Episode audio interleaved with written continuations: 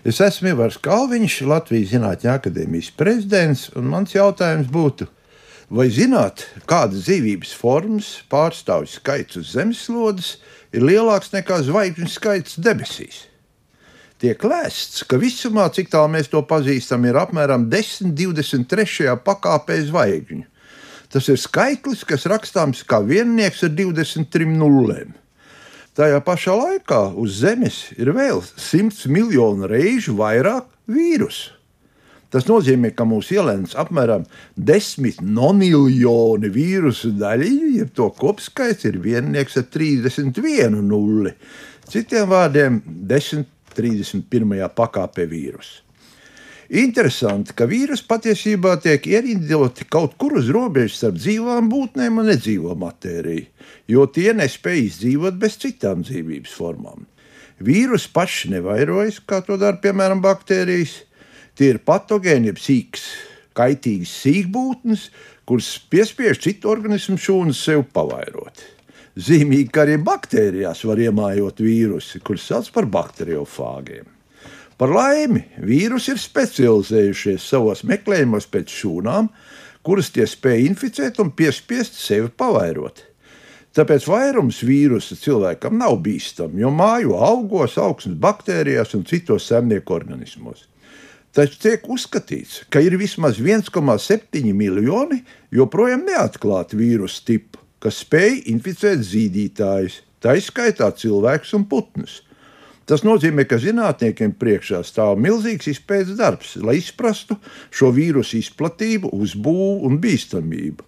Jo ir noskaidrots, ka vīrusiem piemīt spēja pārliekt no viena saimnieka organisma uz citu. Šādu vīrusu vai baktērijas pārējais no dzīvnieku uz cilvēku izsauktās slimības sauc par zoonozēm. Un zoonozes nav nekāds retums. Tās ir atbildīgas par apmēram 75% no pasaules bīstamākajām infekcijām, tā skaitā mēri. Arī viena no Covid-19 izcelsmes hipotēzēm ir tāda, ka šis vīrus arī sākotnēji ir vairojies sikspārņos līdz pārliecis uz cilvēku. Līdzīgi tiek uzskatīts, ka MERS infekciju izraisošais koronavīrus tiek pārnēsāts kamieļu organismu šūnās, un kamieļs šo vīrusu var nodot tālāk cilvēkam. Par laimi šādas vīrusu pārliekšanas no dzīvnieku uz cilvēku nospiedošā vairumā gadījumu beidzas ar vīrusu bojājēju, jo tas nespēja iedzīvoties jaunā saimnieku organismā, kura imūnsistēma svešo vīrusu atpazīst, iezīmē, neutralizē un iznīcina. Tomēr jau ir zināms vairāk kā 200 cilvēkam bīstamo vīrusu tipu. Diemžēl ir iespējama arī vīrusam labvēlīgāka pārneses scenārija.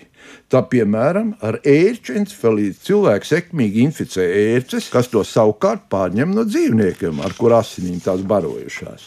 Pie zoonotiskajām slimībām piedara arī ebola, zika, rietumnīlas, nipas, hendra vīrusu izraisītās slimības un, diemžēl, arī putnu gripa. Piedāvām gadījumos, kad divi dažādi vīrusi ir vienlaicīgi inficējuši vienu to pašu šūnu, Tie var savstarpēji apmainīties ar veseliem genomu segmentiem, veidojot jaunus vīrusu hibrīdus. Bet kā tad paliek ar SARS-CoV-2 vīrusu, kas izraisa Covid-19? Kad cilvēks ir saslims, ik viens vīrus, kas iekļūst cilvēka šūnā, piespiež to 36 līdz 48 stundu laikā saražot vismaz 10 vīrusu kopijas katrā inficētajā šūnā. Un līdz ar to slimības maksimuma brīdī slimnieku organismā saimnieko no 1 līdz 100 miljardiem vīrusu vienību, kamēr to kopējā masa nepārsniedz 100 mikrogramu. Zinātnieki ir aprēķinājuši, ka visā pasaulē vienlaicīgi ir tikai no 100 gramiem līdz 10 kilogramiem dzīvu SARS-CoV-2 vīrusu. Tomēr tie ir nodarījuši pasaules ekonomikai daudz lielākus zaudējumus nekā Otrais pasaules karš.